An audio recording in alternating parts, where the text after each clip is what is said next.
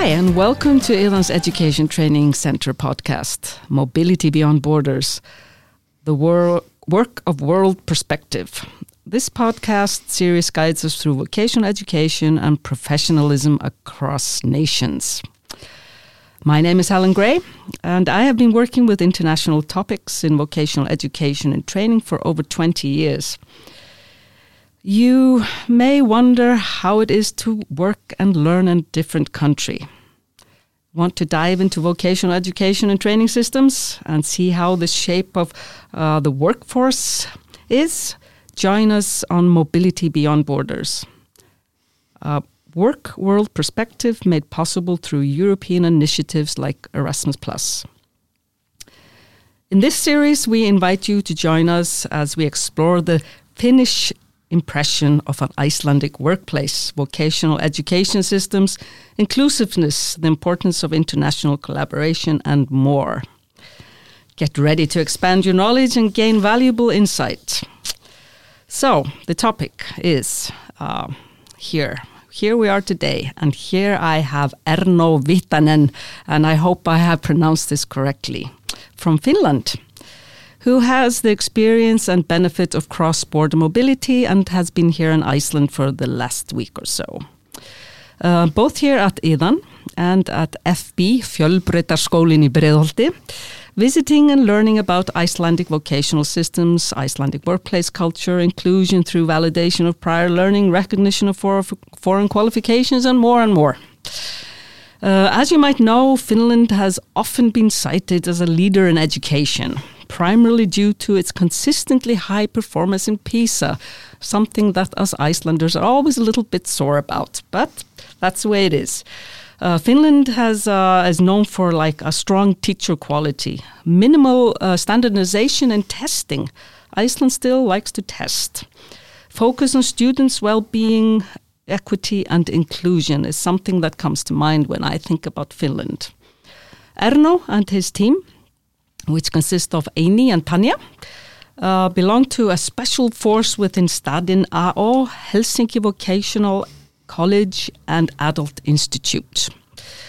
Uh, Finland, uh, uh, yeah, in Finland, that works with learners from a variety of circumstances. This special force is working with learners with a variety of circumstances um, that make things uh, difficult to participate in education, employment, and training. So that's kind of where uh, they are coming from. So, Erno, tell me, where in Finland are you from?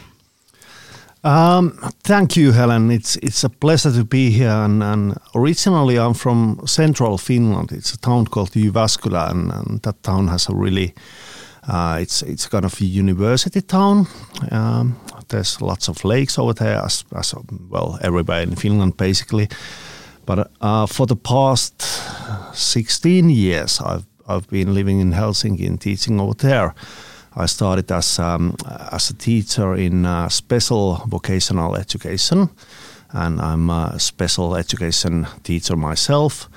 My background is in music education, so I've been I've been teaching musicians over there, and I actually founded a course uh, to teach um, these these students with special needs in in the music field. Oh, sounds interesting. Yeah. Yeah, I just heard when we started uh, the podcast, and you said, Yes, I've been uh, uh, playing jazz. And I think that's really interesting. Yeah. Uh, have yeah. you found any good jazz places here in Iceland since you?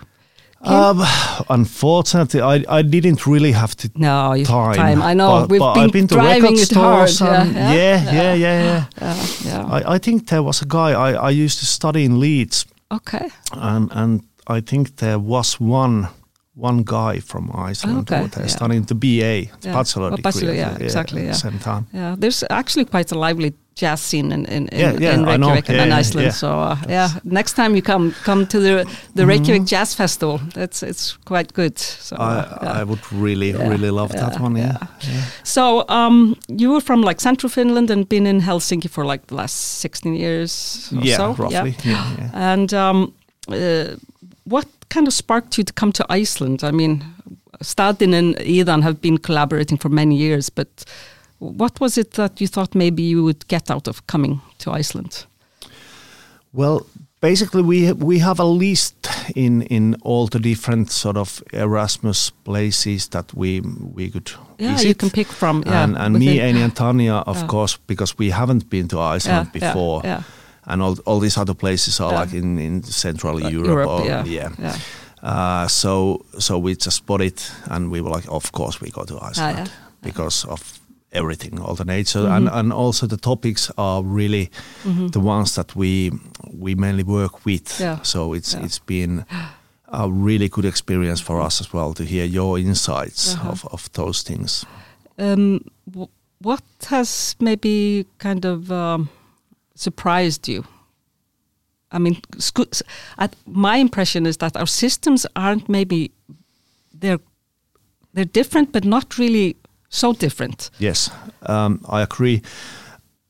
I think the thing that I would like to take back from here to Mhm. Finland is is the flexibility you have. Okay. Yeah. That you can you can sort of um, adjust things in, in really fast Yeah. pace. Fast, fast pace. Yeah. Yeah. Where where in, in in our school I, I feel that sometimes it's a it's bit of a struggle Yeah. and that, and that's one of the tasks Mhm. that Mhm. that our team is trying to to sort of get into Yeah. is, is like to to be a little more flexible. yes yeah, uh, indeed yeah. But um, from what I understand, uh, the the learners that you're working with uh, have like maybe more challenges than than the regular vocational student. Yeah, usually they they are the ones that are dropping out, Dropping out of, you know out dropping system, out yeah. of the system Yeah. or haven't been mm, studying for many many years Mm-hmm. or maybe are unemployed. Mhm, mm. So so those are our that's our field Yeah. basically. We are we are trying to find them and and, and be able to So you go out into your system. I mean, the, uh, uh, the, well the Helsinki area is our, our large, yeah, yeah, yeah, yeah, and and we work in the whole Helsinki area. area, yeah, Yeah. So not in just in our school Mhm. for our students, Mhm. but like Mhm. all the All of- people yeah. in Helsinki. Because Stadin, your college, Mm. is uh, run by Helsinki City. If Yes. that's correct. Yeah. Yeah. So you have this um, uh, social responsibility. We do. Yeah. Um, ha- has this been going on for a long time? Is it uh, is it a new task force that you are working with? Mm, uh, I've been in this team in uh, is, is my fourth year at Okay, the moment, yeah. but I think it's been running for roughly about say eight years. Okay, M- yeah. I, I might be Yeah. wrong, And it's kind it- of a new thing in a, in a sense. do you feel it's um, working?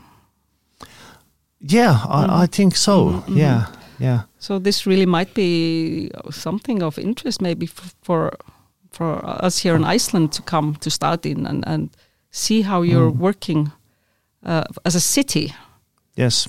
It's not just the the business of a specific school; it's the whole city. Is, Yes, the is, whole uh, city. Yeah, And yeah. I think that's really quite interesting because our vocational schools are it's like you went to FB, Mm. so they have that area. yes. Then we have uh, í Ármúla, which is another comprehensive Yes. college, and they are in a different part of Reykjavik, Yes. and so on and so on. So Mm. I think that's really, really nice to hear that you kind of have the whole city.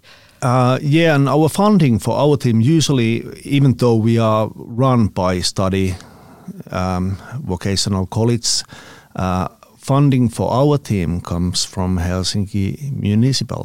Exactly, yeah. So, so all the other money is, Mm. is like Mhm. is the vocational colleges, Mhm. but what we actually get our salary hmm well Yeah. yeah. from different source Sources, in a way. Exactly, yeah. Yeah, that's really, uh, because Iðan is maybe not really working with that target group, but like I said, we have um, uh, participated in uh, uh, specific projects with the Directorate of Labor, Mm. with people that are uh, unemployed for a long time. They take short courses here.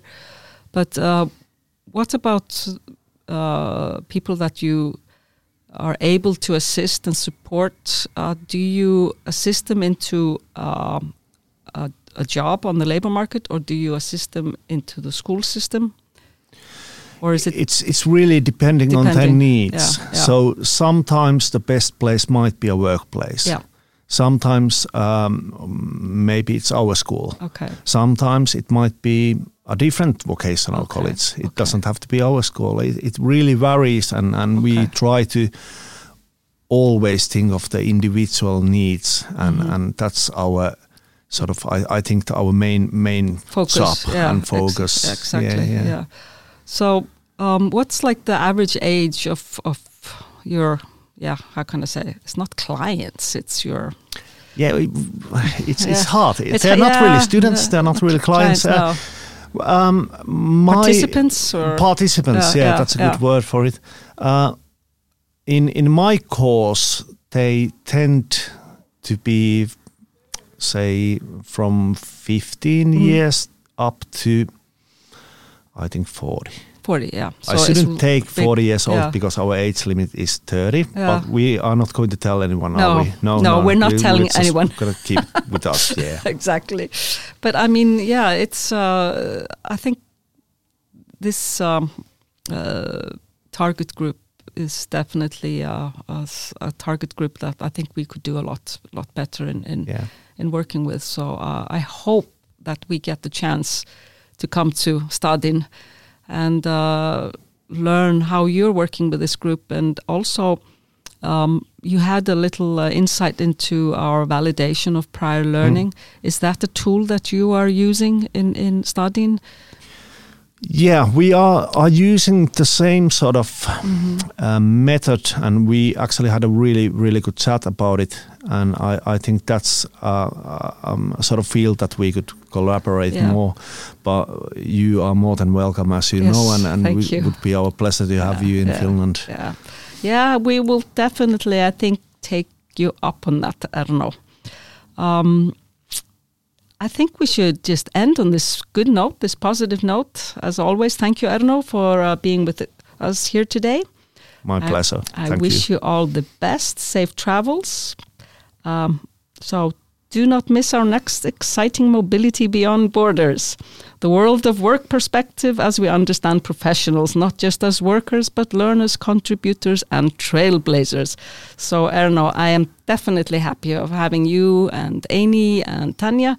It was a pleasure. Um, and um, I will share this with you. And so, if you want to share this, uh, podcast, then please feel free to do that. Thank you.